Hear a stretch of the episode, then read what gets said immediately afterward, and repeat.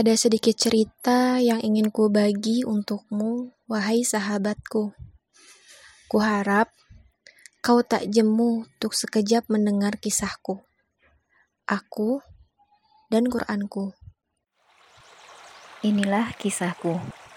Menyakitkan, tapi itulah cara Allah mencintaiku. Terkadang kesadaran akan muncul di saat kita merasakan pahitnya kesalahan seperti halnya penyesalan akan muncul pada saat penyebab sesal mulai terasa. Tak ada kata terlambat saat kita berkeinginan mengubah segalanya, sebab setiap manusia memiliki kesempatan yang sama untuk berubah menjadi pribadi yang lebih baik. Banyak jalan Allah memberikan kesempatan kepada umatnya, sekalipun dengan cara yang menyakitkan. Namun, itulah cara Allah caranya mencintai dan menjaga kita dari gelimang dosa yang tak berujung. Ini awal kisahku dalam menjalani setiap kesempatan perubahan yang telah Allah berikan kepadaku. Dimulai saat aku menginjak masa SMP, masa di mana aku mulai mengenal dunia pergaulan yang lebih bebas. Tidak ada sekat antara laki-laki dan perempuan dengan segala aktivitas keduniaan yang menyita waktu ibadah dan semakin menjauhkan dari pintu hidayah. Masa pacaran pun pernah aku rasakan pada saat itu, walaupun kegiatan yang kami lakukan hanya chattingan lewat HP dan jarang sekali bertemu. Tetapi itu tidak berjalan dalam waktu lama. Saat itulah aku mulai mengenal yang namanya patah hati untuk pertama kali. Setelah kejadian itu pun, aku mulai menghindari yang namanya pacaran. Ternyata, aku tidak mengenal kata kapok, karena saat menginjak masa SMA, aku masih menjalani yang namanya pacaran. Aku berpacaran dengan laki-laki yang lumayan eksis di kelasku. Awalnya memang tidak ada perasaan, hanya saja aku ingin coba-coba. Seperti istilah cinta datang karena sering bersama. Itulah yang terjadi pada kisah cintaku. Semakin hari, perasaan itu semakin besar kepadanya. Merasakan indahnya dunia milik berdua dan yang lain ngontrak, merasakan semangat ketika berangkat sekolah, bersaing untuk mendapatkan nilai tertinggi di kelas, ke mana-mana selalu bersama, merasakan indahnya kencan berdua, dan euforia pacaran di kalangan anak muda masa itu.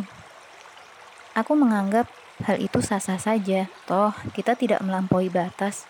Bahkan, aku mengelak bahwa pacaran itu diharamkan oleh Islam. Padahal aku tahu kalau pacaran itu dilarang. Munafik? Ya, mungkin bisa dibilang seperti itu.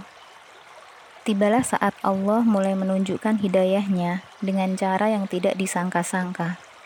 Aku merasakan patah hati untuk kedua kalinya setelah satu tahun tiga bulan kisah cinta ini berjalan karena sedikit masalah, tetapi berdampak besar dalam hidupku. Entah apa yang salah dengan diriku hingga bisa mengulang kesalahan yang sama pada masa itu. Aku bagikan wanita yang mengemis cinta pada laki-laki. Betapa menyedihkan dan menjijikkannya diriku saat mengingat aku pada masa itu.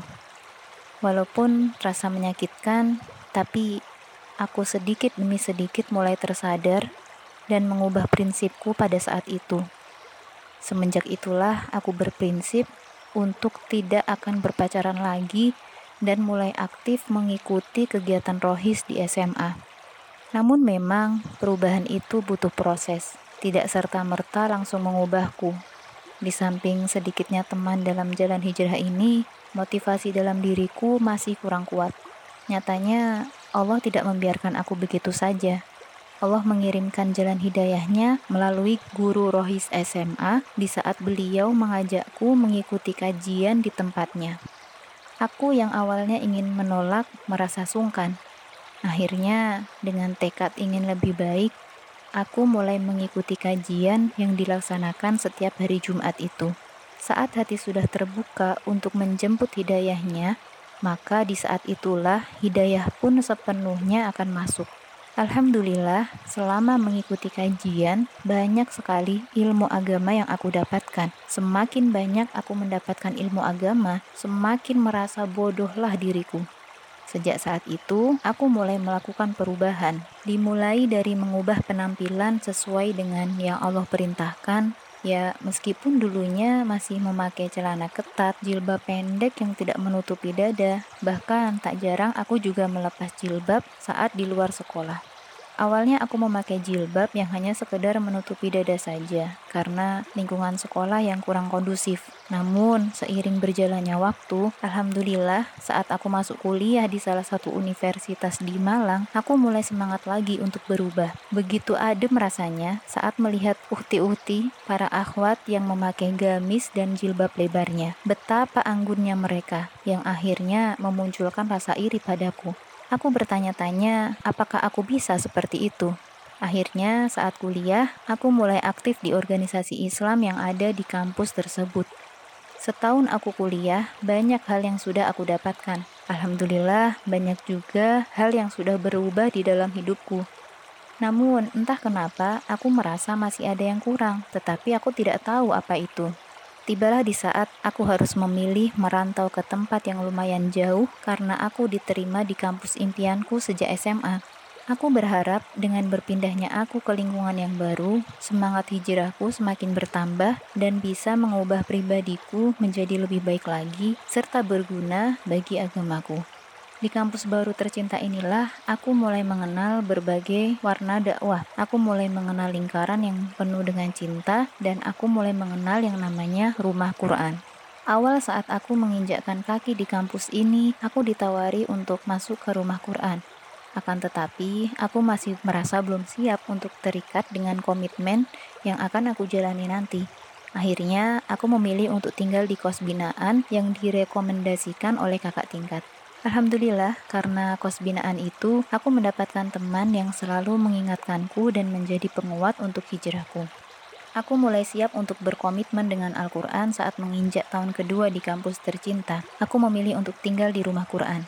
Awalnya hanya ingin mencoba sesuatu yang berbeda, di mana kita tidak dituntut untuk belajar akuntansi saja, tetapi juga belajar Al-Quran. Berkumpul dengan orang-orang yang memiliki komitmen lebih terhadap Al-Quran membuatku merasa minder. Di sinilah aku mulai belajar membaca Al-Quran dengan baik dan benar. Belajar tahsin, tilawah rutin, sholat berjamaah, dan masih banyak lagi yang kami lakukan di rumah Quran ini dengan seorang pengajar yang usianya sebaya denganku dan sudah menjadi hafizoh membuatku semakin ingin terus belajar Al-Quran dan menghafalnya. Sebenarnya aku sudah hafal beberapa surat di juz 30, tetapi mungkin karena malas dan tidak ada paksaan, hafalanku tetap stuck di situ.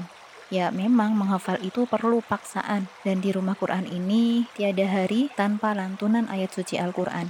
Awalnya aku dituntut untuk selalu tilawah Al-Quran, namun lama-kelamaan tuntutan itu menjadi suatu kebutuhan bagiku.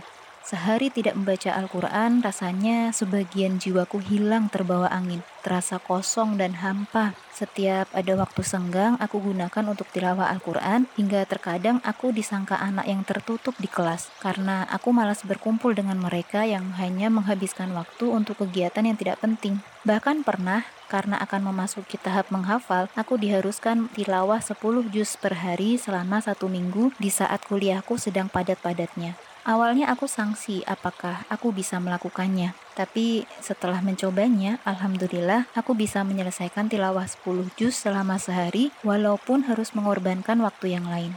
Demi Al-Quran, aku rela dunia akhirat. Setiap selesai sholat, sebelum dosen datang, pergantian jam kuliah, jam istirahat, aku gunakan untuk tilawah Al-Quran, sekalipun hanya mendapat satu ayat, aku sudah sangat senang. Lama-kelamaan, tanganku gatal kalau tidak menyentuh Al-Quran. Akhirnya waktu seminggu telah berlalu dan aku beserta teman-temanku bisa melaluinya sekalipun dari mereka ada yang harus begadang setiap hari tetapi itu tidak masalah selama kami begadangnya bersama Al-Quran. Masa-masa dengan Al-Quran yang tak pernah terlupakan. Setelah tahap tilawah 10 juz per hari, akhirnya aku bisa mulai menghafal. Setoran pertamaku adalah surat-surat pendek di juz 30 dan itu tidak sampai setengah dari juz 30. Walaupun aku harus menghafal ulang dengan memperhatikan tajwid yang ada, aku tetap semangat. Awal-awal menghafal semangatku masih berkobar. Namun, saat memasuki surat-surat yang menurutku sulit untuk dihafal, semangatku mulai sedikit demi sedikit menurun. Bahkan aku sampai menangis karena surat itu. Aku berpikir mungkin karena terlalu banyak dosa, jadi aku semakin sulit menghafal. Saat aku menceritakan kepada musyrifahku tentang betapa sulitnya aku menghafal, aku terdiam saat dia berkata, Al-Quran hanya akan masuk kepada hati yang bersih. Mungkin kamu bisa memulai dengan membersihkan hati. Aku tersindir dengan kalimat itu. Aku merasa memang hatiku tidak bersih, banyak penyakit yang bersarang dalam hatiku, iri, dengki, perasaan tidak suka, dendam, dan mungkin masih banyak lagi. Akhirnya aku berusaha membersihkan hatiku dari penyakit hati tersebut. Sulit sekali memang, tapi aku harus berusaha. Alhamdulillah, sedikit demi sedikit aku mulai bisa menghafal lagi. Namun memang untuk menjadi seorang hafizoh banyak sekali tantangan yang harus dihadapi. Malas dan bosan adalah hal utama. Tetapi di rumah Quran kami berusaha untuk saling mengingatkan dan saling menasihati agar kebersamaan dengan Al-Quran semakin terjaga. Kerinduan dengan Al-Quran pun semakin memuncak. Tiada hari tanpa Al-Quran. Semoga walaupun sekarang kami sudah berpisah dan tidak di satu tempat naungan, Al-Quran tetap membersamai kami dan Al-Quran terpatri dalam jiwa dan raga kami. Masa-masa perjuangan itu yang aku rindukan berjuang bersama-sama dalam lingkaran cinta, berjuang bersama dalam berhijrah. Saat ini aku harus berjuang sendiri untuk mempertahankan prinsip yang telah aku jaga sejak dulu. Semoga dengan berjalannya waktu, aku bisa menjadi pribadi yang lebih baik lagi dan Allah selalu membimbingku untuk senantiasa selalu di jalannya.